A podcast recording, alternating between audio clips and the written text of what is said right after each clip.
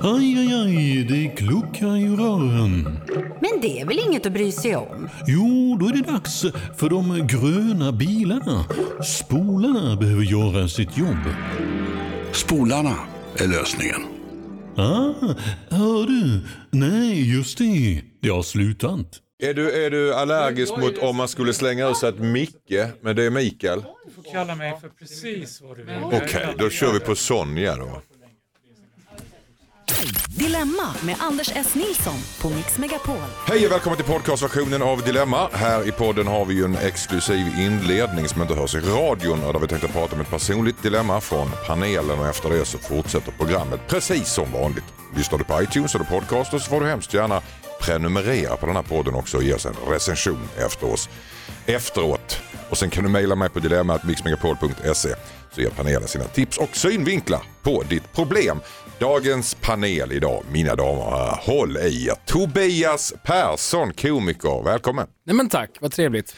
Josefin Crafoord, programledare, podcaststjärna och en missförstådd konstnär sa du nyss. Ja, Ja, jag tycker det passar bra. tack ska du ha för den presentationen. Ja, eller hur? Det är li- lite flott och ändå spännande och ändå så sätter man sig inte på för hög häst. Nej, jag vet inte, jag kände Du föredrar att beskriva dig själv så. Ja. härligt. eh, sen har vi finbesök för första gången i Dilemmas historia, Mikael Dahlén. Äntligen! Äntligen! Professor i ekonomi är du, författare och föreläsare Tack för påminnelsen. och innehavare av ett betydligt större schampokonto än vad jag har. kan jag väl säga. Yvigt hår, stort skägg. Du Ja, passar inte riktigt in där som professor i, ja, jag tänkte, i- ekonomi, du har säkert fått den frågan förut, men professor i ekonomi och se ut sådär som du gör, du sticker ju ut lite grann. Man tänker Mm. ju annars lite så här. får du ofta det bemötandet? Nej, det har jag faktiskt aldrig hört förut. Nej. Välkommen hit, pang bom. Res dig upp igen. Jo, det händer. Det, det är väl en bra isbrytare. Det finns inget annat att prata om med mig. Eh, Och ekonomi är inte alltid spännande. Det kan man prata om mitt hår. Ja, du gör ju ekonomi spännande bara genom att dyka upp. Åh, tack snälla. Så Josefin är missförstådd eh, konstnär, du är missförstådd professor. Här. Ja, och vad är du då? Missförstådd jag, jag, bara, jag är bara, komiker? bara missförstådd allmänt. Bara Ingen förstår vad jag vill. Nej men du har ju din Sverige-turné här som ska visas i tv kanske eller? Nej. Ja, jag ska visas i SVT. SVT. Man på prov Jaha då. om svårigheterna att skaffa barn. Ja, Ja. låter väl kul. Det låter spännande. Skrattfest om jag någonsin hört något. Men det är ju, det är, det är ju svarta som humorn finns. Ja. Mm, Jag är stolt över Tobias. Du är stolt över det. över. Vi satt just och diskuterade om det är nedvärderande att vara stolt över någon. Du tyckte det i förra programmet Jossan. Ja, men jag är så nöjd för jag har faktiskt fått ett brev. Mm. Ingen av er, varken du eller de andra två som var här förra helgen, höll ju med. Alla ni tyckte jag var jättekonstig Att som det är hade den här. negativt att säga att man är stolt över någon. Ja, jag tycker det är negativt. Ja, men då var det så skönt att i alla fall en liten människa hörde av sig till mig och, och förstod vad jag menar. Så att jag, Okej. ja, men jag, jag skulle kunna driva den här tesen i evighet, men jag ska inte göra det. Jag ska inte Nej. förstöra programmet. Hörru, du, jag måste bara fråga dig Mikael, jag vet att du har skrivit en bok som heter Monster där du intervjuade den eh, notoriska, legendariska mördaren Charles Manson. Mm, Eh, hur, hur var det att träffa honom? Du har säkert fått frågan förut men jag vill veta. Mm, det var en eh, väldigt märklig upplevelse. Det, jag fick frågan innan, har du någonsin gått på psykedeliska svampar? Mm. Hur så? Varför undrar du det? Fick jag inget svar på. Men det svaret fick jag när jag satte mig ner och pratade med honom. Varför då? Därför att det är så det känns. Det är så det känns. Mm, Vadå, då har han någon så här övernaturlig förmåga då med andra ord? Alltså är det så att han har någon special... Eller är han bara spritt språngande som det heter på fackspråk? Nu, nu får vi ju byta tempus för nu är han död. Ah, ja. Men eh, det finns många som tror att han fortfarande lever tillsammans med Elvis och Michael Jackson och Ja. alla vad det är, vilket Mm, säger de har en del om liten hans herrklubb någonstans. persona. Är. Elvis död? ja, Okej. Men det är, så, är det så här att man möter här ondskan själv på något sätt som Charles Manson har, har, porträtterats som. Blir man lite rädd att man börjar tycka killen är lite intressant och lite trevlig när man sitter och pratar om honom? Mm, det är lite läskigt att se att man har lite för lätt att prata med varandra och Ja. förstå varandra lite för väl. Märkte ni att jag inte säger jag längre utan man för att Mm. flytta ifrån mig? För det, Ja. är, det är lite obehagligt faktiskt. Det är Mm. det. Blir man rädd för sig själv då eller hur? Ja, det blir man. Ja. Man blir rädd för alla. Mm. Nej men det, det vill säga om, om man skulle säga något lättsamt som du skulle skratta till åt, ja yeah, exactly. Då, då skulle du känna, oj här sitter jag och eh, skrattar och fnissar med en, en massmördare, det är ju inte så trevligt. Nej, precis så. Jag satt och Ja. pratade med en japansk kannibal som var ganska skämtbenägen. Och då kom jag på mig själv med att sitta och skratta. åt- Vi har samma humor. Ja, precis. Fast det är väl inget konstigt egentligen? Nej, egentligen kanske Alltså, inte. ja, Vilka ja, kretsar umgås du i? Jag tänkte japansk kannibal, Just. Och nu med Byt oss. telefonbok säger jag. Det är därför jag sitter längst bort i hörnet här. och. Nära utgången. Men Japansk, förlåt, japansk kannibal ja. ja. Berätta mer, vad, vad, hur, eh, hur var det? Åt ni något ihop? Eller nej? Nej, var det faktiskt stämning? så. På, på tåget på väg ut till förorten utanför Tokyo där han bodde kom jag på mig själv med att jag nog borde stanna. Så jag gick av på en station på vägen och handlade med mig mat så att han inte skulle vara hungrig när vi satt ner. Det är sant. Mm. Ja, hörru nej, vi är ju här, vi börjar japanska kannibaler och Charles Manson. Vart är det här på väg? Eh, Jag har hört att Mikael Dahlén har ett dilemma som han har ruvat på i veckan. Berätta för oss. Jag skulle helst vilja vara anonym. Är det Mm. okej? Det är lite känsligt. så. Mm, Du heter egentligen Åsa. Mm, hej, jag heter Åsa och jag har ett eh, dilemma rörande gubbvresigheter och eh, pungrakning. Oj, Oj. spännande. Allt, I den ordningen också. Ja, det är lite frågan i Vad vilken ordning de ska vara. Gubbresigheten eller pungrakningen? Pungrakningen kom först och föranledde gubbvresigheter. Frågan är om de får ta sig uttryck eller inte. Jag går på gym tillsammans med min son Mm. och vi lyfter en väldig massa vikter varav ungefär hälften är våra egna som vi planerar att lyfta. Och den andra hälften är alla andras, framförallt yngre mäns vikter. De bara strör dem omkring sig som vore hemma i ett vardagsrum. Mm. Mm. Och det bygger upp en större och större gubbvresighet i mig som känner att jag har ingen lust att flytta allas vikter.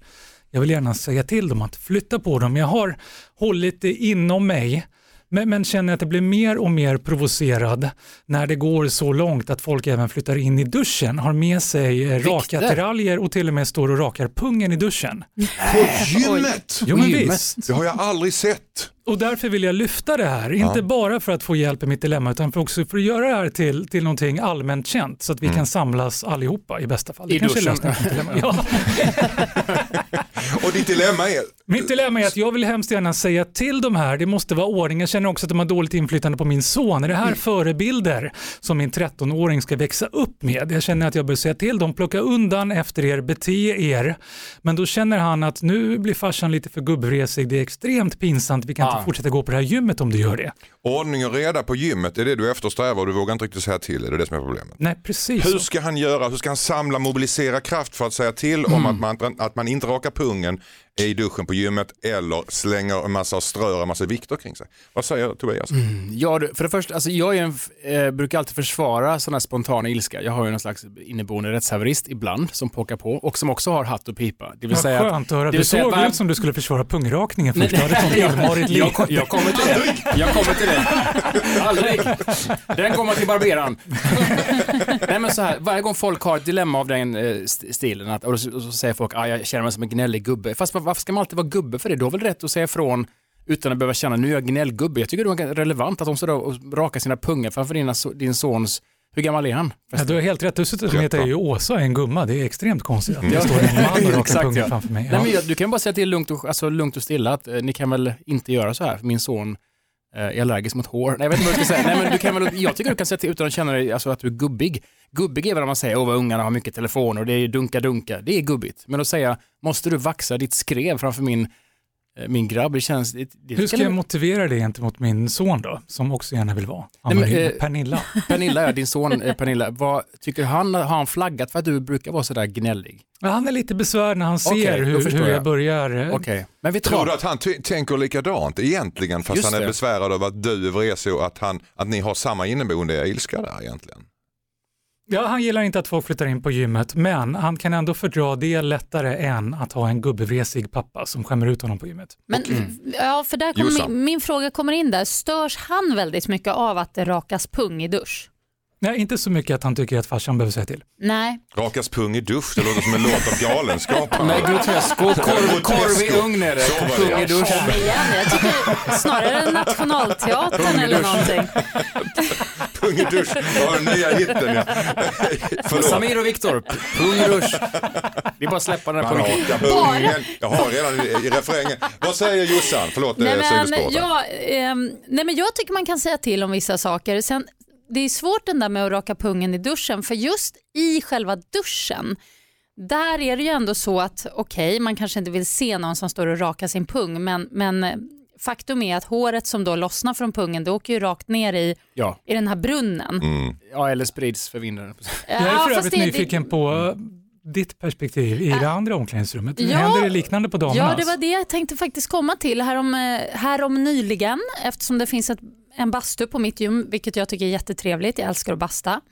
Eh, då har det hänt, två saker har hänt. Nu senast var det en kvinna som satt och käkade någonting, någon mat, någon frukt eller apelsin och vad det var, I bastun. i bastun. Alltid apelsin Jag i tycker bastun. det var jätteofräscht. Det, sma- frukt är okej men kebab hade varit svårt. jag, tycker, jag tycker inte man ska förtära. Möjligtvis Om man lägger den på en, själva eh, kol...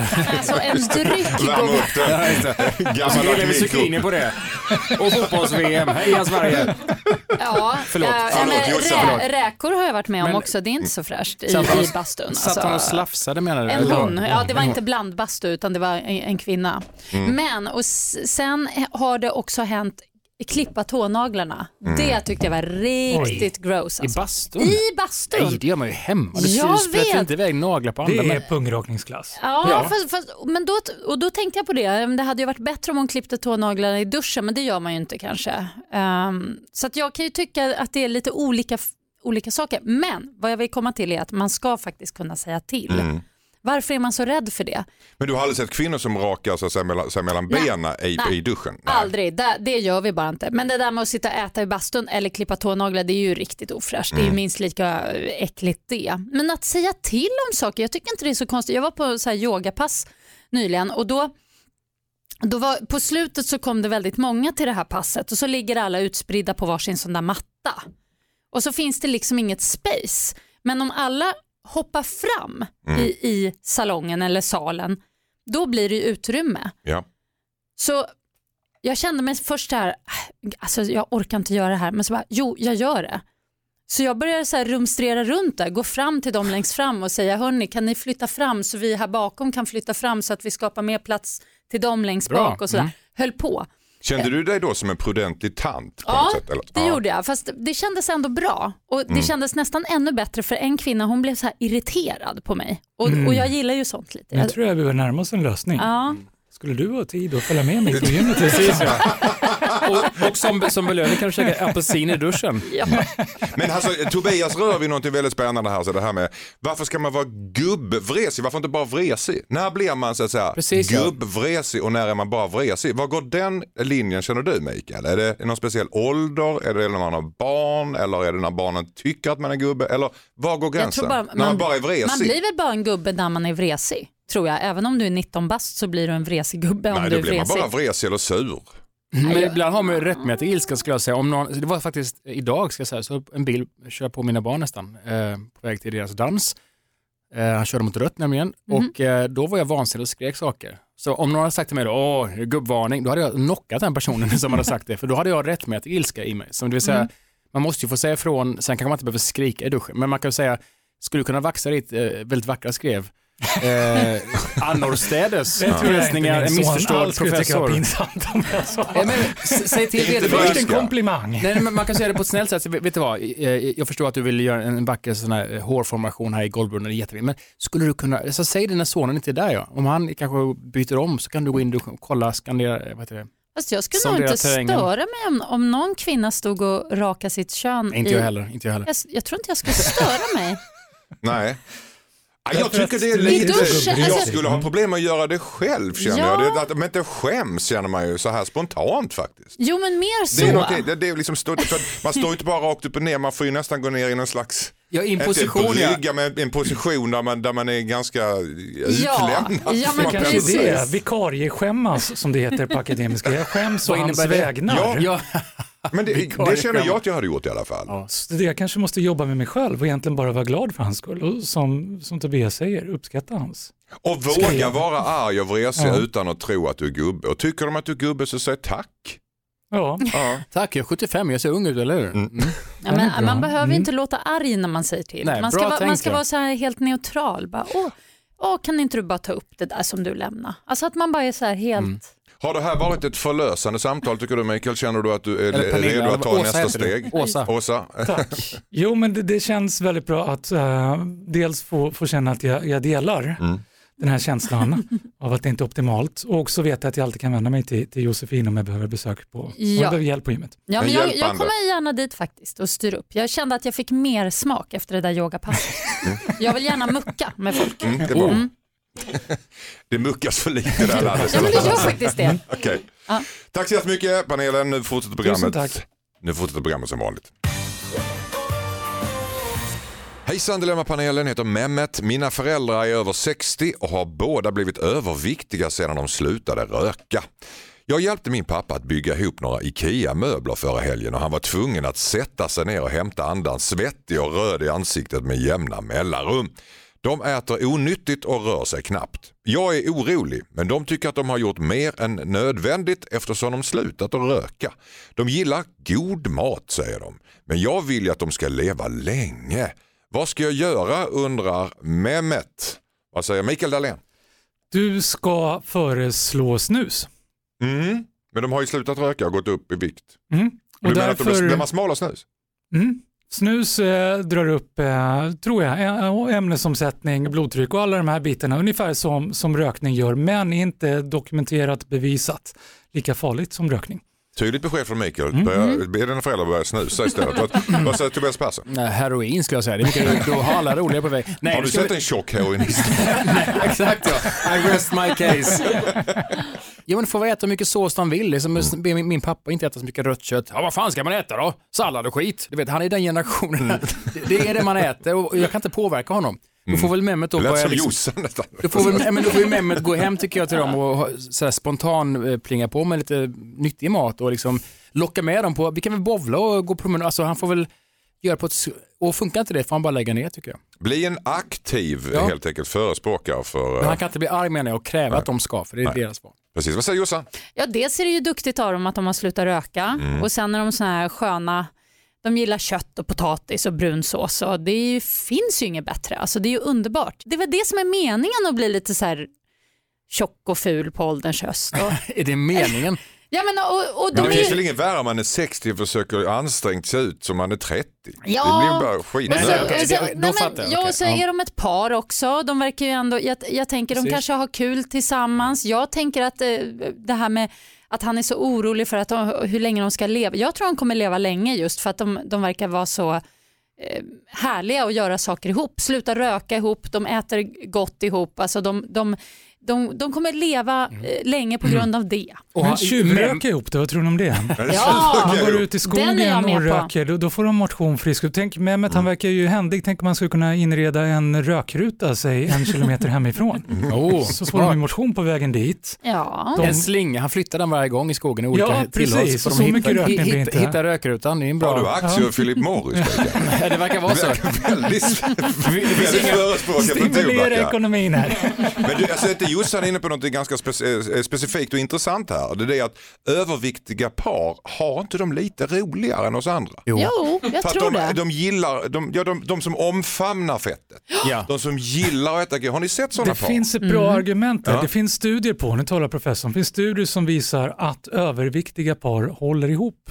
Bättre ja. Det är en rent evolutionspsykologisk aspekt att man lägger på sig lite. Det är en gemensam trygghet i att den där är inte attraktiv för någon annan. Blir de för vackra så kommer de kanske tänka på att det, det finns andra potentiella partners så den här har jag hängt ihop med länge nog nu. Och Mehmet har flyttat hemifrån och kan sätta upp sina egna möbler. Så här kanske är det säkraste sättet att hålla dem samman. Ja, men jag tycker man kan så här, också när, när, om man tänker efter när man har varit hemma hos lite äldre människor, just sådana par, lite Mm. småfeta, närma sig pension.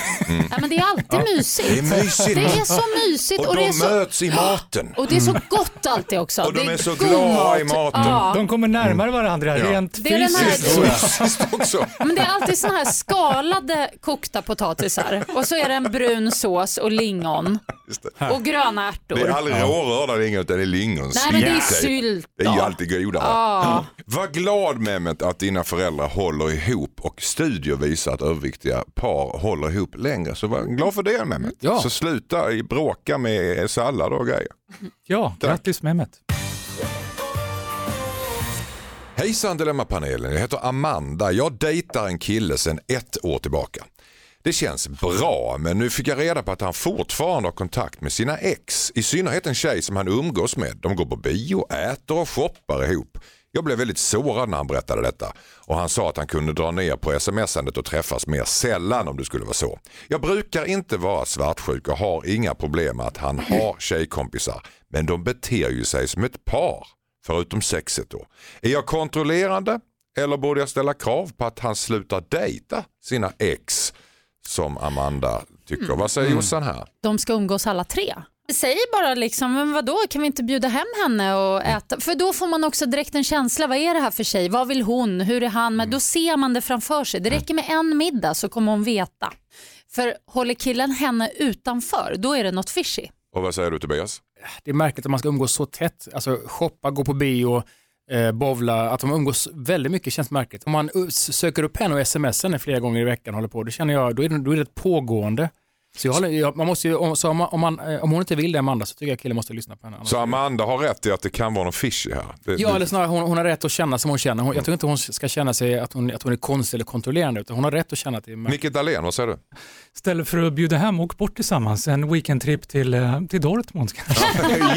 Ja. Alla tre. Ja. Har du varit där? Var det, var det nice? Var det bra? Så Eller ja. propagera för Dortmund som resemål för att de har ett uppsving inom swingersklubben. Ja, tror det finns Ja. någonting Mm. där som vi alla skulle kunna lära av. Men det, det här är ju intressant, det ni är inne på att man ska umgås, man ska ta med tjejen, sina respektive och möta sitt ex att det, för att undanröja. Men finns det inte något som skaver där? Ja, det kan ju bli skavande men då vet man också att det är någonting som är fishy. Men det blir ett skitgammalt ex som man har gemensamma intressen med. Ja men det är väl fine. Jag tycker inte det är konstigt att umgås med ex, att planera saker med, med ex som du var inne på Tobbe. Jag tycker Mm. man kan göra det. Man kan, jag har, jag har eh, Men om din kille skulle kräva att få- följa med varje gång du gör det, Ja, skulle du men varje gång, det räcker väl med, det räcker ju med någon Jaha, gång. nu är det fishy. Ja. Ja, inte varje gång. det, det räcker ju med någon gång för att veta om det är fishy. Så Amanda ska helt enkelt kräva av sin kille att få följa med någon gång när de träffas alla tre. Lägg inte fram det som att jag, jag kräver, utan vet du, vad kul, ska ni shoppa imorgon? Då kommer jag. Vart ska ni gå? Mm. Ah, det har vi inte bestämt än. Jaha, alltså om... Då är det fishy. Ja. Ja, bolla Så- fram det bolla som för- ett kul Ja, förslag. kul. Kanske eh, hon tar med sig en kompis, sitt ex, som hon Precis. inte har lika skön relation till. Hon kanske rent av tycker att hennes ex är lite efterhängset. Då kan hon kanske introducera dem för varandra, så kanske hon slår två flugor i en smäll där. Blir med sitt ex. Ja, Mm. smart. Nu går vi. Ja, mm, bra. Och så Dortmund på det. Oj. Tack så mycket. Skicka in ditt dilemma till dilemma@mixmegapol.se. Vi har en liten silver lining idag. Vi har en utbildad person ibland oss. Härligt. Jag fattar inte, vad menar du? Det är inte vardag man har en professor i studion. Herregud. Nej, det är sant. Ja, jag har frågat Leif. GW att komma hit men han, åh, han sover när vi ringer. Han är väl ingen, är han professor? Ja, Han är professor i kriminologi, jajamensan. Ja, ja, Så det är han kanske. Eller hur? Ja. Ja, så Eller känner inte ni varandra professorerna? Har inte ni en sån här hemlig klubb? Alla någonstans? professorer känner varandra. Ni vet var vi möts. I Dortmund. Ja. I Dortmund. Där satt den. Hörrni, vi är här för att lösa era bekymmer. Vill du skriva in det till Dilemma så gör du det på dilemmatmixmegapol.se. Hanna är näst ut. Hon skriver att hon börjar få känslor för en patient. Oj, oj. Spännande. Oj, oj. Detaljerna efter reklam. Ett poddtips från Podplay. I podden Något Kaiko garanterar östgötarna Brutti och jag, Davva, dig en stor dos skratt. Där följer jag pladask för köttätandet igen. Man är lite som en jävla vampyr. Man har fått lite blodsmak och då måste man ha mer. Udda spaningar, fängslande anekdoter och en och annan arg rant. Jag måste ha mitt kaffe på morgonen för annars är jag ingen trevlig människa. Då är du ingen trevlig människa, punkt. Något Kaiko, hör du på Podplay. Därför är gardinerna. Hejsan Dilemmapanelen heter Hanna. Jag är en singelkvinna på 45 år som jobbar inom psykiatrin. En gammal vän har dykt upp som patient på jobbet. Vi var nära vänner för 25 år sedan och då hade han känslor för mig. Han har paranoida vanföreställningar och har förlorat alla sina vänner på grund av sin sjukdom. Jag vet att personer med hans sjukdom kan bli farliga för personer i sin närhet. Men jag vill så gärna fortsätta hjälpa honom. Jag är osäker på mina känslor för honom. Han skrivs ut snart. och Jag undrar om jag borde fortsätta hålla kontakten med honom. Hanna undrar detta. Mikael Dahlén, vad säger du? Hålla kontakten, absolut. Ni kan bli Facebook-kompisar. kan slå till på Instagram kanske. Men det känns som ett men här. Inte gå för Men det långt. behöver Eller? inte bli vansinnigt mycket mer än så. Till en början. Om hon börjar följa honom i sociala medier så kan hon ju se hur paranoid han är. Just Är inte det. det passande?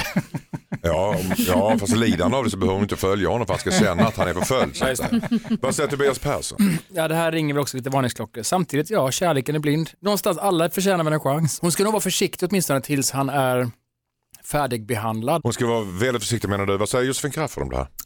Jag tycker vi är så himla rädda för knäppskallar och dårar och läskiga typer och sånt där. Famous last jag words. menar hur... hur, hur Han höll sig för sig själv.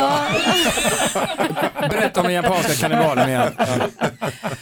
Nej men faktiskt, alltså jag, jag, jag tycker det finns en så här allmän rädsla för folk som är udda och, och har problem och Det sådär. är väl lite grann det jag menar också, att alla förtjänar en chans. Det går- Ja, och jag, och jag tycker tvärtom. Jag kan tycka att just sådana människor är de mest spännande och intressanta. De har mycket Mm. roligare hjärnor. Eller inte alla, men jag menar, det, det, alltså det, okej, nu skriver hon ju så här, ja, de som har den och den, kan, kan, det kan, de kan vara farliga. Men det är liksom ändå så här, de kan vara farliga. Det, vad har han gjort som är så farligt? Han kanske inte alls, jag tror inte alls att han är farlig. Och sen är det väl oftast att det är de lugnaste vatten också. Ja, Så. Men alltså, det finns ju en dimension till här. Det är ju det är inte bara att han har paranoida vanföreställningar utan det är ju också så att hon är, han är hennes patient för Är det detta. Etiskt. eh, Hur är det med Ja, men snart, där? snart Alltså, skrivs han ut och det är ju då de i så fall kan starta en relation tänker jag. hur är det med professor och studenter då? Det är väl samma typ av Mikael Dahlén. Här var det tyst. Ja. Ja. Blir det för nära nu?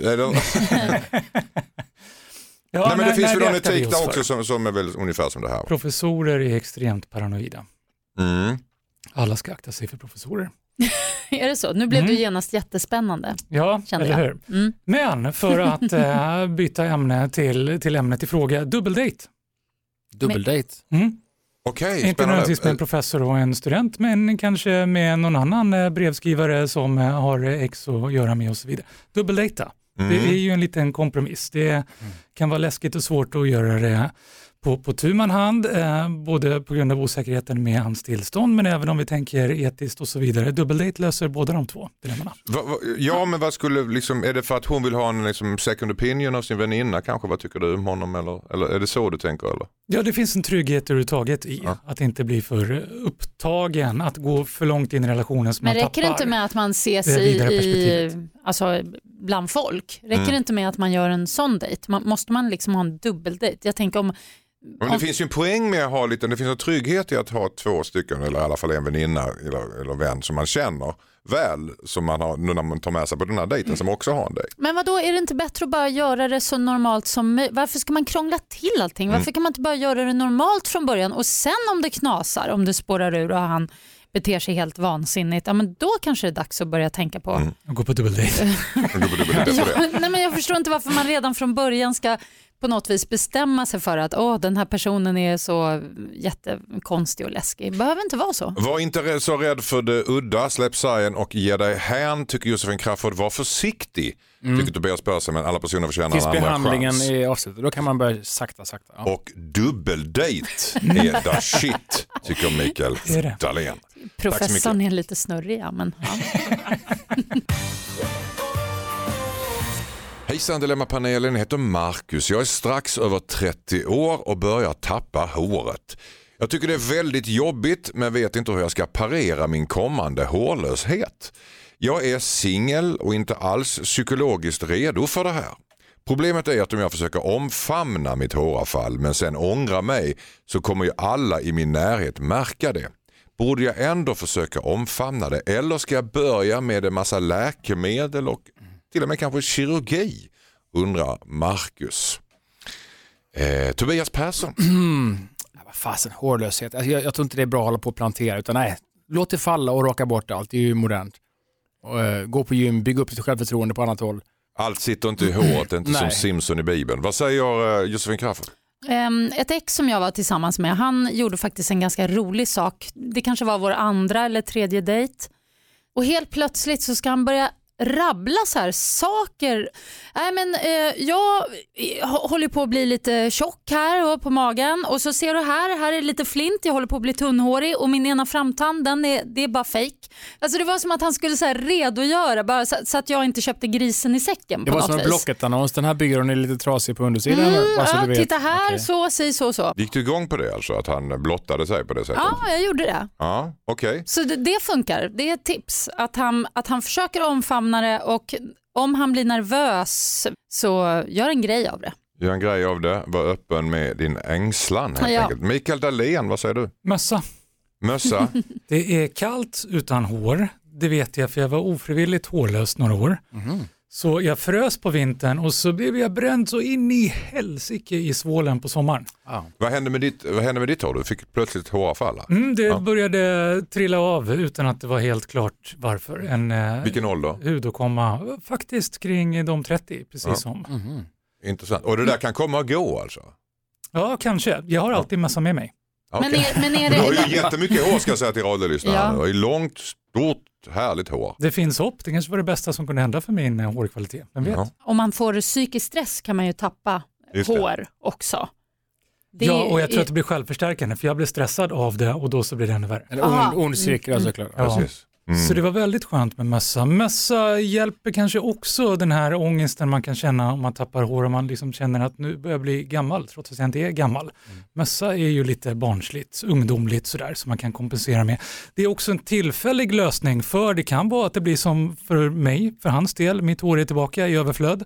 Jag tänker också att det finns hopp för det händer saker hela tiden och jag har lite insyn i rätt spännande experiment. Bland annat så har man testat prototyper för att 3D-printa hår rakt i svålen. Hur jäkla coolt är inte det? Spännande! Ja, eller hur? Jag vill ha adressen. Så håll ut, på, på med mössan ett par år, sen kommer 3D-printarna, det finns massa spännande sådana grejer. Så det, Wow. det, loppet är inte kört. Jag råkar känna några på mitt gym som ofta rakar pungen och tänker att där Kan man kanske köpa finns. hår från dem? De kring som en tjackpundar. så Har du ett par hårsäckar över? Men det här är ju en hel polisong här i Golvbrunnen. Nej, Överkam. Smaka på den. Hur, hur känns det tycker ni spontant? Ja, jag Nej. vet inte. Jag är ingen fan Nej. av eh, det där Nej. slickade med fem, fem hårtestarna. Så, nej. Men det är väl i stort sett sista stadiet på, på hipstervågen. Man har testat de här gubbmustascherna, gubbmössorna och allting. Så överkamning tror Ja, jag skulle kunna vara nästa grej som Det är det kommer. nya svarta. nej. Likt Kommer ihåg eget vad ni hörde det första när man lyssnar. Överkam. Det är 2020. Ja, eh, det känns väl att du ska bejaka det här eller så finns det intressanta nya studier som gör att man kan faktiskt 3D-printa hår rakt in i svålen. Mm, håll ut. Håll ut, det kommer nya rön hela tiden Marcus. Hejsan Dilemmapanelen, jag heter Liam. Jag och min flickvän bor ganska nära hennes föräldrar. De är supersnälla och bjuder oss på restaurang ofta, men kan inte bete sig. De rapar med öppen mun, pappan flörtar med servitrisen, klagar på notan, skickar tillbaka maten och så vidare. En gång funderade han på en förrätt och smakade han av bordsgrannen för att se om det var värt att beställa. Det var det tydligen inte. Vi får gratis middag av dem vilket är jättesnällt men jag står ju inte ut med det där andra. Ska jag vägra följa med i framtiden eller ska jag försöka uppfostra mina svärföräldrar? Undrar Liam. Vad säger Tobias Persson? Alternativet är att du beter dig likadant. Eh, För att göra en spegelbild till ja, svärföräldrar? exakt. En spegelbild är att du, när du är hemma hos dem kanske också äh, lägger upp fötterna och går in i kylskåpet och lägger en brakare och liksom bara kör fullt ut. Om de inte reagerar så är det kanske dags att byta svärföräldrar. Om de tycker att han är en av oss. Ska flickvännen behöva lida för det här? du? Nej, det är sant. Det är sant. Men, ehm, Jag gillar inte dina svärföräldrar så bye bye. Precis. Men det är kanske inte okej. Det, var, det är kanske inte den mest välgrundade åsikten. Jag hade inte kunnat sitta med sådana människor på restaurang. Jag, jag skäms så mycket. Men vi var inne på det här innan i tidigare dilemmat, det här med att säga ifrån. Ja. Att vi är för dåliga på det i det här landet. Att bara Ja. säga så att lägg av med det där annars umgås inte jag med er. Ja, faktiskt. Är det så han ska säga? Eller? Ja, det tycker jag man kan säga. Men återigen på ett snällt sätt. Det vill säga att jag tycker det är Där kom det svenska in. på ett snällt sätt. Och då kommer den där. Säg så här, Vet du vad?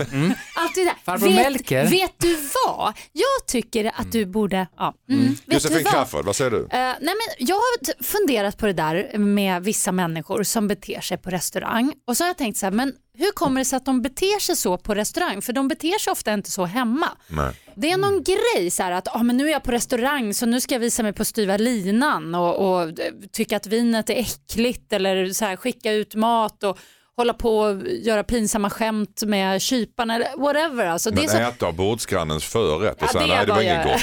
det var väldigt konstigt men då måste han ju fått något tillåtelse att smaka först. Det, Det är inte helt säkert. Det är inte säkert med tanke på allt det andra. crème brûlée, va? Nej, men jag, jag, skulle, jag tycker det var känns... lös. Nej, men det jobbiga är ju att, att det är så tillgjort. Att Mm. det är som ett skådespel. Det är det som... Så, det tycker jag är det Tror du de värsta. håller på att show off? va, Sverige? Ja, ja, men det är det de gör. Ja. Och det är det alla gör som håller på och tramsar sig på restaurang. Ska hålla på och ställa, liksom vara konstiga bara för att de är på, som så här, oj, är det så speciellt att vara på restaurang som man måste hålla på och knorvla till Men är vi sig? lite fattar för inte det. vördnadsfulla på restaurang? Är- Vi betalar över priser och ändå så är vi så nästan hukade och inte vågar säga ifrån.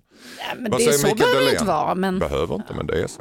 Mm. Lär svärföräldrarna att använda Instagram och ta varje tillfälle när de är ute och äter. För då blir de väldigt självmedvetna, visar studier. Eh, betydligt större sannolikhet att de kommer regissera middagen för att den ska vara riktigt snygg. Så funkar inte det utan att de är lite pajsiga sådär så gör en eh, reality-såpa på det. Men du, alltså Mikael, Det känns du som är det är bensin på professor. elden nu. Du, du, du är professor, det här med att visa studier, är det något du drar till med ibland? Så här, egenskapen professor, eller finns det studier för att folk, folk beter sig som använder Instagram bättre? Det finns sådana Gick han studier. Alltså. på det?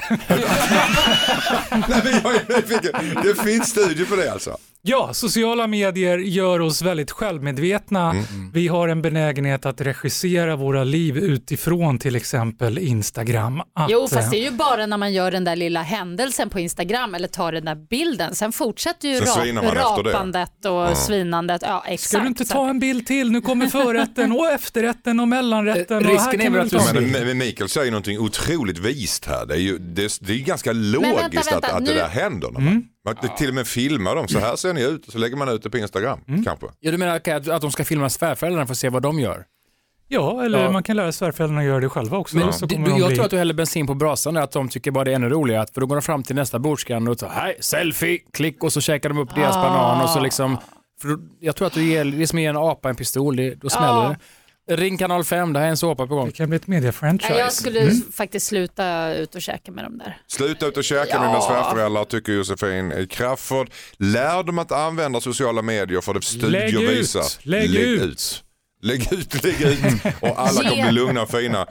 Tobias Persson tycker att det är ena, rena riktiga rötägg det här. Var det så Ja, du uttryckte dig? Nästan. Ja, fast väldigt försiktigt. Jag sa väl det. Fast säg det försiktigt och snällt. Be dem snällt och gör de inte det så får du börja slafsa också för att se om de vaknar. Nej men alltså, det där med apa och pistol, det var det bästa du har sagt någonsin tror Åh. jag. Ja. Det får bli sista ordet tack. Hej Dilemmapanelen, jag har varit ihop med en kille sedan ett år. Vi har haft ett fantastiskt förhållande men nu har han återfunnit sin religion och vill spara sig till äktenskapet som man säger. Han sexvägrar helt enkelt. Jag känner mig inte redo att gifta mig men det är svårt att leva i ett celibat numera. Vi bråkar mer än vanligt och jag vet inte vart jag ska ta vägen. Vad hade ni gjort om ni var jag, undrar Elinor. Josefin Crafoord. Ja, Känns jag- som jag vet vart du är på väg. Mm, Ja. ja, nej, jag hade ju blivit väldigt misstänksam. Nej, jag säger bara att eh, förmodligen har han väl eh, varit otrogen och åkt på någon könssjukdom. Ja, och eh, han eh, håller på att behandla sig nu Mhm. och eh, ja, väntar på att han ska bli bra. Återfunnit religion, bara, Mm. så här, mitt i förhållande, plötslig celibat, vad är det för konstigheter? Vad heter det? Trossamfundet? Klamydia-sällskapet Ja, kanske? klamydiasällskapet tror jag att det här handlar om. Okej. Ja. Vad säger Mikael Dahlén om det här? Då?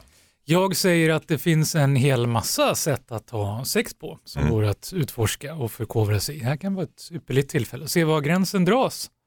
Mm. Så det där tror jag är lite, nu pratar ekonomiprofessorn, det där tror jag går att eh, förhandla lite så. Mm. Hur börjar man en sån förhandling, Mikael? Jag tänker att man förhandlar med sig själv. Man får känna efter, är det här sex? Om jag stoppar den här, om jag, Om jag stoppar Famous last words. om jag gnuggar lite här, Ja, och, det. om du står där borta och jag. Ja. Det finns ju massa sådana varianter. Vad säger du, Tobias? Jag tror att det är ohållbart om en part ehm, vill och den andra inte vill. Då blir en person ständigt lidande och jag, jag tror att det är svårt att Däremot som, så tror jag att det kan vara så att religionen har väckt i det här fallet. Om man har gått tillbaks till, han har inte funnit Gud precis, utan han har gått tillbaks till en religion. Mm. Vi har det så magiskt nu så att det här magiska vill jag liksom lite längta till igen när vi gör det på riktigt. Det kan vara så. Men jag tycker fortfarande att hon har rätt att kräva av honom att hon behöver närhet, fysisk eh, ömhet. Om, om hon behöver det och känner det starkt så måste hon få, få, liksom få det av honom. För annars kan ju inte hon leva och då är inte hon lycklig. Om han säger om fem år ska vara ett bröllop på en bergstopp, om fem år kanske jag har dött inombords. Halleluja, vad ska han göra då? Alltså, det var- det, för det måste ju var- mötas där ju. Ja, det var inte det kontraktet hon gick in med Nej. honom. För hon gick in i kontrakt där de hade sex och sen bara boom, bryter han det kontraktet. Ja, det Det är en förhandlingsfråga, då får man omförhandla. Det är värdelöst. Det är fler och fler människor som är religiösa nu för tiden, än vad, man, vad, vad man tror. Så han kanske inte vill ha hennes, han kanske vill ha Guds hand istället för hennes hand. Det väl Han kanske har eh, Förlåt. Mm. Eh, ja. Var flatlös, kan det ju vara också. Du är inne på sjukdomar. Ja. Du är bara- Alltså, det finns ju Bara olika... rada upp könssjukdomarna för då flatlös som fastnar tar Vi pratar fem teologi, år. sitter här. Gonorré, klamydia. vad kan- Besvärja, då tror jag man ska springa långt. Alltså. Ja, nej men, eh, nej men, eh, eller då en sista alternativ, att, ja, om man säger jag vill gifta mig först, bra, då bokar vi åker till, Las Vegas om två veckor och så gifter vi oss snabbt så har vi gjort det. Alltså s- Ett snabbt, snabbt bröllop är ditt... ditt eh, Ja. ja.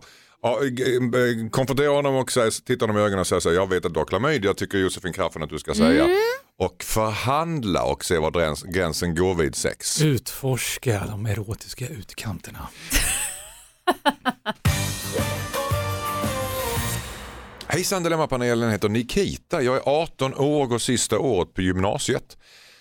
Det, här har länge, det har länge varit bra kemi mellan mig och min bästa killkompis. Nu har jag dessutom fått reda på att han har varit intresserad av mig under en längre period. Problemet är att han har skaffat flickvän nyligen. Jag vill förtydliga att jag inte har blivit intresserad av honom på grund av att han blivit otillgänglig, men jag är kär. Är det omoraliskt av mig att berätta för honom hur jag känner? Undrar Nikita. Den tar Mikael Dahlén. Nej, det är inte omoraliskt att tala om hur hon känner. Att försöka sätta käppar i hjulet på olika sätt, det är omoraliskt. Men att tala om hur hon känner, det tycker jag är en, det är en skyldighet hon har gentemot både sig själv och honom. Okej, Mm. ska hon söka upp eh, den här killen då? ehm, Efter 25 Själv- år. Ska... efter 25 år göra det. Vad säger Jossan? Nej, dags att sätta käppar i hjulet säger jag. Mhm. Eh, här Varför, gäller inte bara, var, var, varför inte följa Mikaels eh, direktiv och bara säga vad du känner? Därför du vill att det- aktivt sätta käppar i hjulet. Ja, men det händer ju ingenting om man säger vad man känner. Alltså det, klö sig man, måste, man, måste, man måste göra någonting för att det ska hända grejer. Nu Sett är så jag, mycket på Julia Roberts filmer. ja, men det här eviga babblandet, det ska pratas och ja, men mycket snack och liten verkstad du vet. Jag gillar inte det där. Jag tycker man ska skrida till verket ordentligt. Jag tycker hon nu ska lägga in råstöten verkligen här. Lägg in råstöten. Ja, innan det är för sent. Det är ju nu. Nu är det skarpt läge. Det är nu det gäller, de närmsta dagarna. Mm. Inte tänk tanke på hans förhållande, respektera det. Det är Det inga är tankar någon som... ny flickvän. Vad är det att hänga i granen? oh, Tobias Persson, vad säger du? relationsexpert. Herregud. Jag, nej men jag är en blandning av Micke, alltså, nej, jag är snarare på Mickes front den här gången. För jag tycker, ska du, hon ska lägga fram vad hon känner, men då, då minst har hon planterat ett mjukt och fint frö som han kan grunna på. Och de har, i och med att de ändå är kompisar så får det blomma, eller så känner killen, "Nej, jag är förälskad i min nya tjej, eller min, min tjej nu. Mm. Men att gå fram och liksom tja, och hångla upp honom, då tror jag att han krampar och inte ger henne en chans. Nej, det tror jag inte. Det här med att sätta käppar i andras förhållande, om man är kär i någon, det känns som att hela den historien föll ur dig själv Josefin. Har du varit med om det här? Har du gjort det en gång? Ja, det är klart. Mm. Men eh, det är ingenting, det är inte som att jag tänker så här, åh nu ska jag göra illa någon. Jag tänker bara på mitt eget bästa. Ett rovdjur.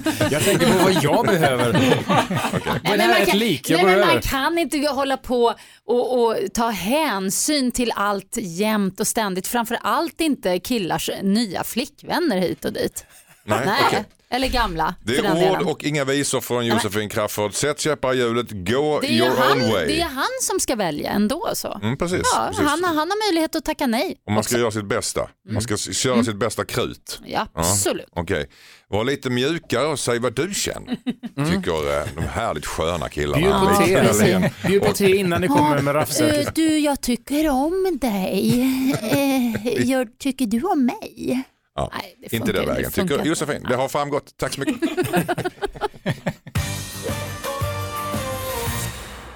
Hejsan Dilemmapanelen, jag heter Sara. Min pappa är en speciell person. Han har vuxit upp kring män. Hans pappa uppfostrade honom och hans bröder. Idag bor jag själv med honom. Han har för vana att dricka öl och kolla på TV helgerna i ända. Det som stör mig är att han sitter och reagerar på snygga tjejer som dyker upp på TVn. Uff, nice och vilken rumpa slinker ur honom efter några öl. Jag har försökt peppa honom till att göra andra saker med sitt liv men det är ju upp till honom. Däremot så stör jag mig på att han sitter och objektifierar kvinnor i vardagsrummet på helgerna. Samtidigt så verkar det vara, vara det han har i sitt liv. Ska jag ändå ta ifrån honom detta? Undrar Sara.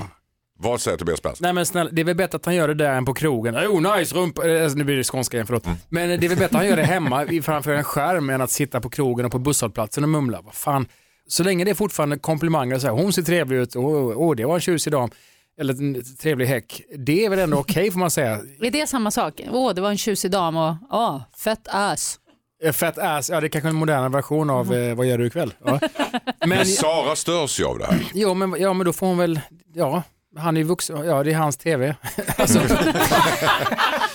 Så du tycker att det är bättre att han gör det hemma och man kan inte lära gamla hundar sitta? Är det, är det det som är grejen? Jag tror att hon får sätta på någon liten iPod eller någonting så länge, eller eh, poddradio, eller vad heter det? Någon slags, ja precis, eller trattgrammofon. Nej men lyssna på någonting annat och låta han mumla lite grann. Men det är kanske en timme på kvällen, det gör väl ingenting. Vad fan, nej, släpp det. Okej, vad säger Josefin Crafoord? Nej, jag tycker han måste sluta omedelbart. Mm. Så jobbigt med någon som sitter och kommenterar vad som händer på tvn. Det Bara, alla bara människor? det. Du menar rent generellt, inte det att han objektifierar kvinnor? Jo, att- det också. Det är ju dubbelt dåligt. Men till att börja med att han sitter där, dricker bärs hela helgerna och bara ah, ah, skön brud, ah, fan vad är det där för patrask, ah, varför säger han så? Alltså man vet, men jag hör ju hur det där låter, så jobbigt. Och, där Och ska vad ska hon... Sara göra då? Nej men det, det där kan ju bli pinsamt också om hon till exempel tar hem en kompis och sådär. Jag tycker hon måste uppfostra sin pappa lite grann. Mm, hur gör hon det då? Se till varje gång. Alltså det kan ta tid det här. Kanske en flugsmälla som hon daskar honom i huvudet med varenda gång. Ja men kanske, alltså, som ändå inte skadar. säger, vad säger Mikael Dahlén om det här? Det skulle kunna vara så att han har Tourettes. Han kanske gör det hela tiden. Ja. Men det bara märks framför tvn. Det skulle kunna vara så att han inte gör det någon annanstans därför att han upplever katarsis. Som det heter. Han får utlopp för allt det här som är uppdämt inom sig. Japanerna till exempel, de går in i rum och slår sönder saker som företagen betalar åt dem.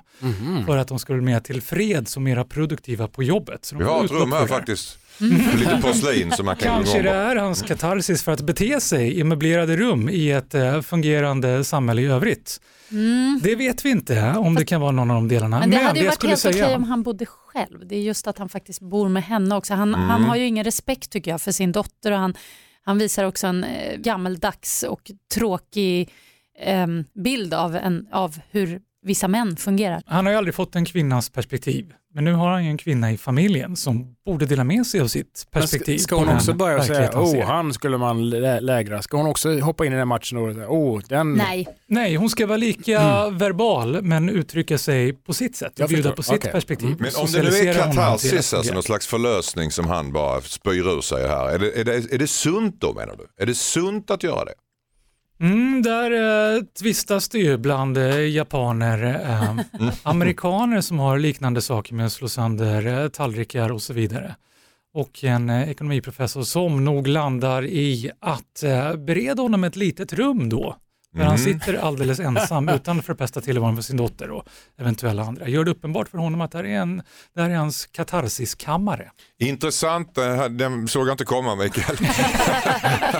Väldigt Det är en helt vanligt katarsiskammare som arga snickare brukar bygga. En katarsiskammare. Sara, bygg ett litet, en liten friggebod där din eh, pappa kan vara själv och säga vad som helst och det kan till och med Bilen- vara sunt. Bilen brukar ju annars vara en perfekt sån katarsiskammare tänker jag. Ja vi har ju precis, vi har ju det alla i oss och vi sitter bilen och skriker för då hör ingen oss.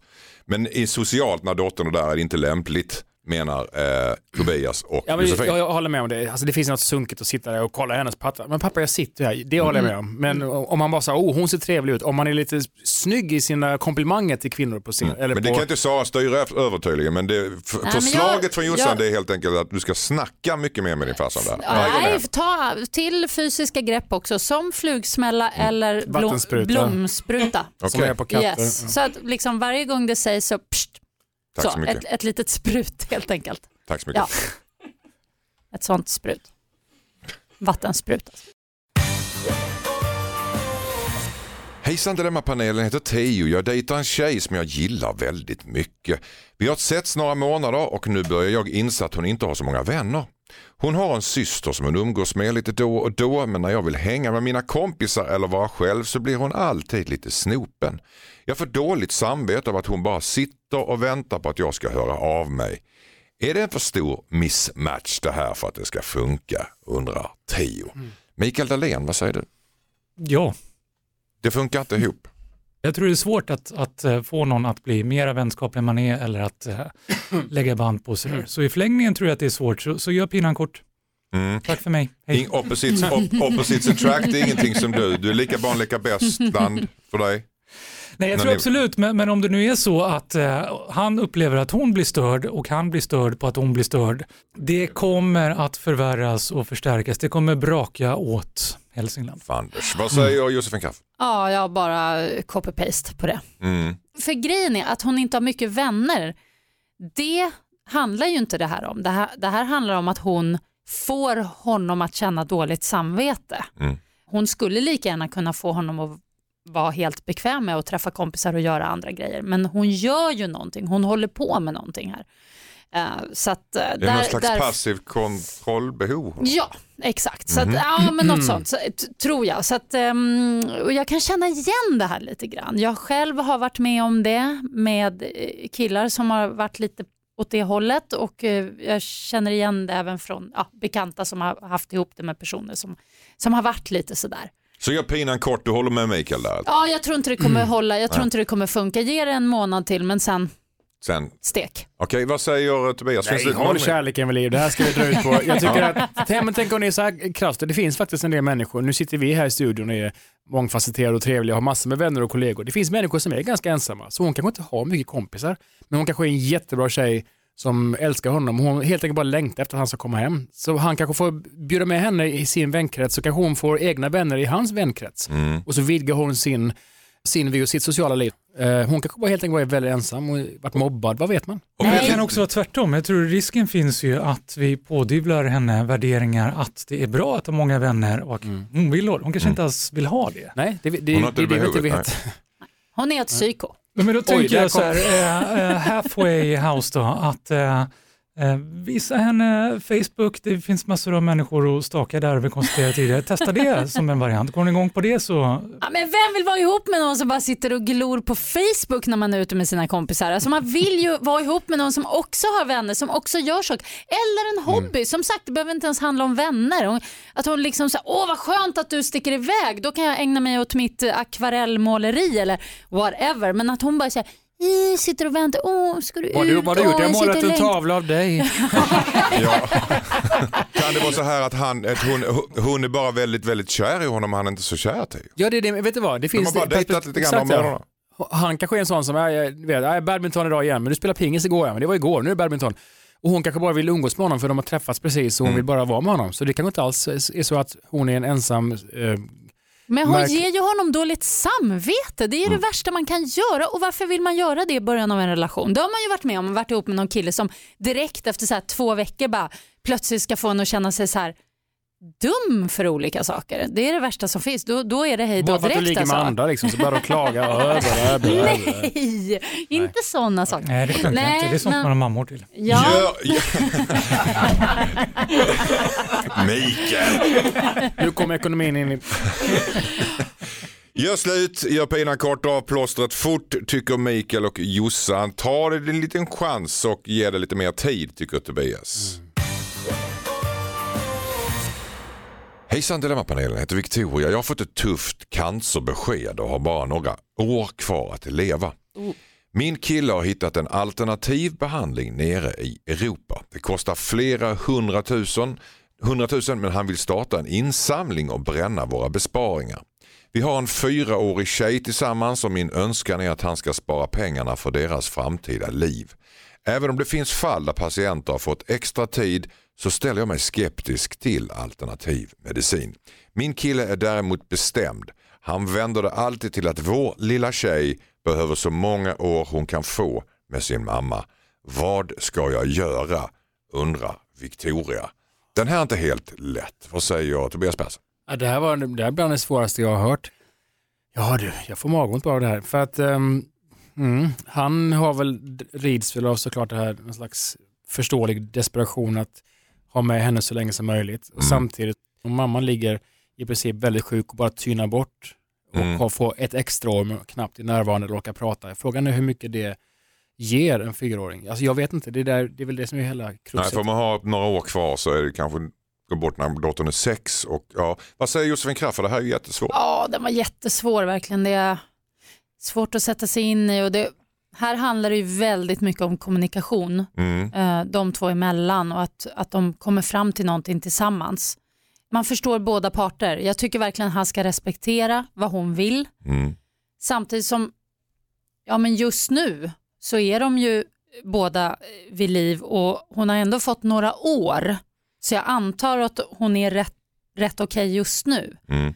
Ja men då kanske det ändå är värt, alltså då kanske hon ändå ska överväga det här alternativet. Och om han vill starta en insamling för att de ska ha råd att göra den, den, ja, gå igenom den här alternativa grejen så det tycker jag ändå han ska få göra. De Så måste- fast hon inte tror på alternativen så ska hon ändå ställa sig bakom till hans vilja. Han kanske behöver det för att han ska Ja. överleva det. Inte han har gjort vad han har kunnat. Och han lever kvar. Och sen, han sen sorg- handlar det också om vad är det för alternativ metod? Är det en väldigt plågsam, smärtsam grej som bara gör det tufft och jobbigt?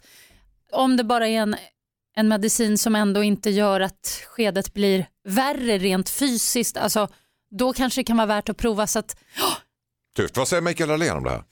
Mikael Dahlén säger att pengarna är totalt jäkla oväsentliga. Lita på ekonomiprofessorn. Det är inte en fråga om pengar på något sätt. Det är en fråga om marginalnytta och marginalkostnad. Marginalnyttan är uppenbar för dottern som är så ung. För varje månad, vecka, dag så ökar nyttan för henne av att umgås med sin mamma. Hon kan umgås på ett, ett mera genomgripande sätt när hon blir äldre, mognare. De kan ta in varandra på ett helt annat sätt. Så, så för dottern är det extremt värdefull. så varje extra dag, där mamman är vid liv så är det bra för dottern. Så hon ska Ja. göra det för dotterns skull. I högsta grad. Dottern kommer aldrig säga nedrans också. Jag fick ett år extra med min mamma, jag hade hellre tagit pengarna. Det kommer en dotter aldrig säga. Nej. Eh, marginalkostnaden, precis som ni varit inne på, det är hur plågsamt det är för mamman. Om, Mm. om det innebär ett oerhört lidande för mamman så behöver det vägas. Men givet att det inte är det, det verkar inte framgå nu, så tycker jag att det såklart överväger marginalnyttan för dottern. Dottern är första rummet och varje dag är en ynnest för dottern och dottern blir starkare av det. Mm. Tack så mycket. Hejsan Dilemmapanelen, jag heter Jim. Jag har skrivit sex noveller som till stor del bygger på mitt och exets sexliv. Jag vill ge ut dem. Försöka kontakta ett förlag eller lägga ut på internet. Jag har ju självklart bytt ut hennes namn men när jag nämnde det för henne blev hon skogstokig. Hon menar att folk som vi känner kommer veta att det handlar om henne och hon tycker att det är privat. Det är ju min historia också tänker jag. Borde jag ge ut dem i alla fall trots att hon inte vill, undrar Jim. Tobias Persson. Kan man inte göra så här då? Eh, erbjuda henne, okej du får pengar, du får present av försäljningen. Kanske hon, mm, I like, kinky. Hon kanske gillar tanken på att om det här blir en pocket som, som börjar snurra, då kanske det ger pengar. Då, alltså, så kan det vara. För annars känns det som Pengar att, är ett afrodisiak menar du? ja, men jag menar, jag, jag, jag, jag kan förstå någon, har du tid? Jag kan förstå, i och med att han har skrivit, då har han liksom gjort, tagit patent på deras upplevelse, i och med att han har kokat ner det på sitt sätt och gett ut en bok. Men om hon då åtminstone får lite pengar för sveda och verk, så kanske det kan hjälpa till, jag vet inte. Vad säger Josefin Crafoord om det här? Nej, nej, jag tycker inte hon ska ha några pengar. Jag tycker han ska ge ut. Han har ju bytt ut namn och sådär. Mm. Så att eh, då, då, är, då klarar han sig undan. I det stora hela, i stora vida världen, vad spelar det för roll? En liten bok, lite text, lite sex. ah. Nej, men jag tycker inte det. Om boken blir en succé kanske hon kan skriva en egen bok och Mm. Göra, ge ut sin vinkel på det eller dra det vidare. Eller, ja, hon kanske kan nyttja det på det viset. Kan vi få det ekonomiska perspektivet på det här Mikael? Studier visar att fakta och fiktion är två olika saker. En sexnovell skulle jag nog kategorisera som fiktion snarare än fakta. Omfamna den möjligheten, gör henne mytisk, gör henne larger than life på alla sätt. så du att kan hon få blir bli sämre, så det gjorde jag inte alls. Jag slutade ju precis innan. Ja, och då, då är ju problemet löst med att hon inte känner igen sig. Hon plockar godbitarna, men det där känner jag igen, det där är fantastiska, vilken hjältinna jag är. Men det- Sovrummets Lisbeth Salander och resten kan någon applådera. Vad han än skriver så finns det ju massa i världen som har testat på det där eller gjort det där på samma sätt. Alltså det, det, Så den är helt det, ointressant den här sexnovellen, det är det du säger? eller? Nej, men jag menar bara att Lägg det, ner. jag tycker man sätter sig själv på en väldigt hög häst om man som hon är så här, åh nej, det beskriver vad vi har gjort i sängen. Men gud, alla har väl gjort det där, det är väl ingenting att hålla på med. Tjafsa om. Okej. Men Okej. tänk om de har gjort verkligen alltså, saker som är, ja precis. Ja men säg då, ge mig ett Ja, men, exempel. ja, exkrement över ryggrad. Nej, men, ja, men folk som bajsar på varandra. Då Tänk om man- känner vänner att det där är ju men Julia, folk det som luktar bajsar. så Ja, men det mycket finns- Julia om det. Men Vem har inte bajsat på sitt ex? Eller, eller vad menar du? En del människor gör ju sådana saker med blöjor och grejer. En del gör ju sånt och jag tycker det, det är känns ganska ju inte så äckligt. sexigt. Jo, ja, fast det är ju en fetisch. Vissa gillar ju sådana grejer. Och jag menar, om, om de har gjort det och hon ångrar sig, då kanske inte det är kul att veta att... Dice of the beholder Josefin. Nej men jag tror att det är många som har eh, bajsat på varandra där ute så att det är lugnt. Okej. Sexnovellen, det är, det är inget nytt under solen tycker Josefin Crafoord. Du ska, inte, du ska bara ge ut den här utan att blinka helt enkelt. ja, och eh, som, jag tycker faktiskt som, som du var inne på där Micke, att liksom eh, krydda. Krydda. Ta, ta i. Gör ta i. ljudbok. Ja, ljudbok. Ah, det är bättre. Utgå från, utgå från faktan och sen krydda med fiktionen för det är en win-win för då framstår hon som en slags fantastisk sexgud Ja. innan Mm, i det där. Plus att hon Mm. inte kan ha, har något argument att säga egentligen att allting hände för att då är det fiktion också. Och så kan hon få åka till bokmässan, det är ju kul. Ja, bara en sån sak. Bokmässan, det är ju jättekul. Göteborg. Tack så jättemycket för att du kom hit Jossan. Tack. Du vet att du alltid har en öppen stol här. Åh. Tobias Persson, tack för att du kom hit. Tack så jättemycket ekonomiprofessorn Mikael Dahlén. Tack snälla, kör vi imorgon igen eller? Nej, imorgon kör vi inte. Då ska vi gå till andra jobb. Ja, det är synd. Det är synd. Arbetsförmedlingen heter det. Men, men, mejla in din dilemma till dilemmatmixmegapol.se. Kom ihåg att vi byter ut ditt namn så att du kan vara anonym. Nästa helg är jag tillbaka med Linda Lindorff, Hasse Aro och Alexandra Pascalidou. Vi härifrån säger addio! Hej då, adios.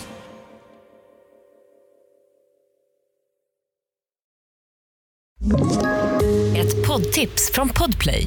I fallen jag aldrig glömmer djupdyker Hasse Aro i arbetet bakom några av Sveriges mest uppseendeväckande brottsutredningar.